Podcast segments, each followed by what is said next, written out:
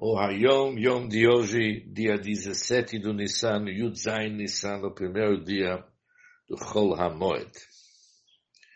No Agadash no Pesach falamos as palavras Hareze Meshubach. Todo aquele que se prolonga na narração da saída do Egito. Hareze Meshubach, ele merece uma elogia. Mas as palavras que nós falamos, Hareze, esta pessoa, se torna louvável. Quando se fala a palavra Zé, indica um nível, um elemento de santidade.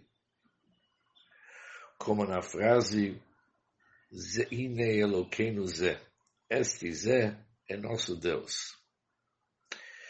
Aquele que se prolonga na narração da saída do Egito, seu Zé, seu Zé, seu elemento de santidade torna-se mais louvável, mais enriquecido.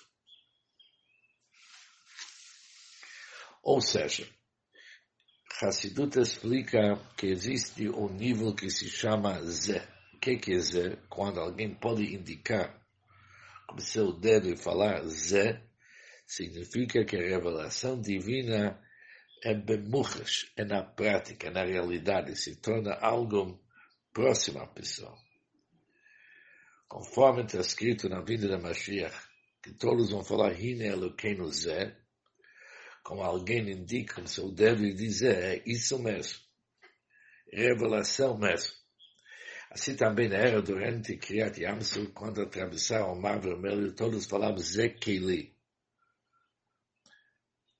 É uma revelação do Zé. Por isso está escrito Ratar Shivcha Layam, que mesmo a serva poderia haver a divisão do mar vermelho, poderia enxergar divindade ou aquilo que os profetas não tiveram uma possibilidade. Com isso entendemos as palavras de Kol HaMarbel Siat Mitzrayim Arizem Mishubach, que o Zé que está dentro dele, ou seja, a sua capacidade de poder enxergar a divindade, Meshubach, fica enriquecido. O Zé dele, ou seja, a capacidade, o potencial que nós temos de poder enxergar divindade se torna Meshubach enriquecido.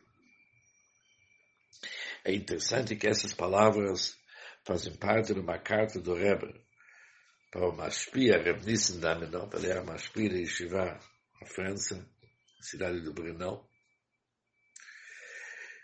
O Rebbe pede para ele para anular o conceito do vacation, vacância. E o Rebbe fala para ele o seguinte, Kol hamarbel mitamez bazer, quem se esforça para anular esse costume de vacation, harizem meshubach.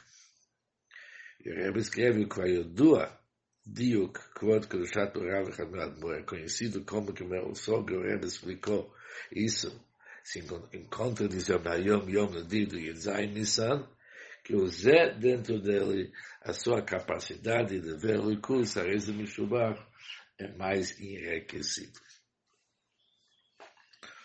Um bom moed para todos,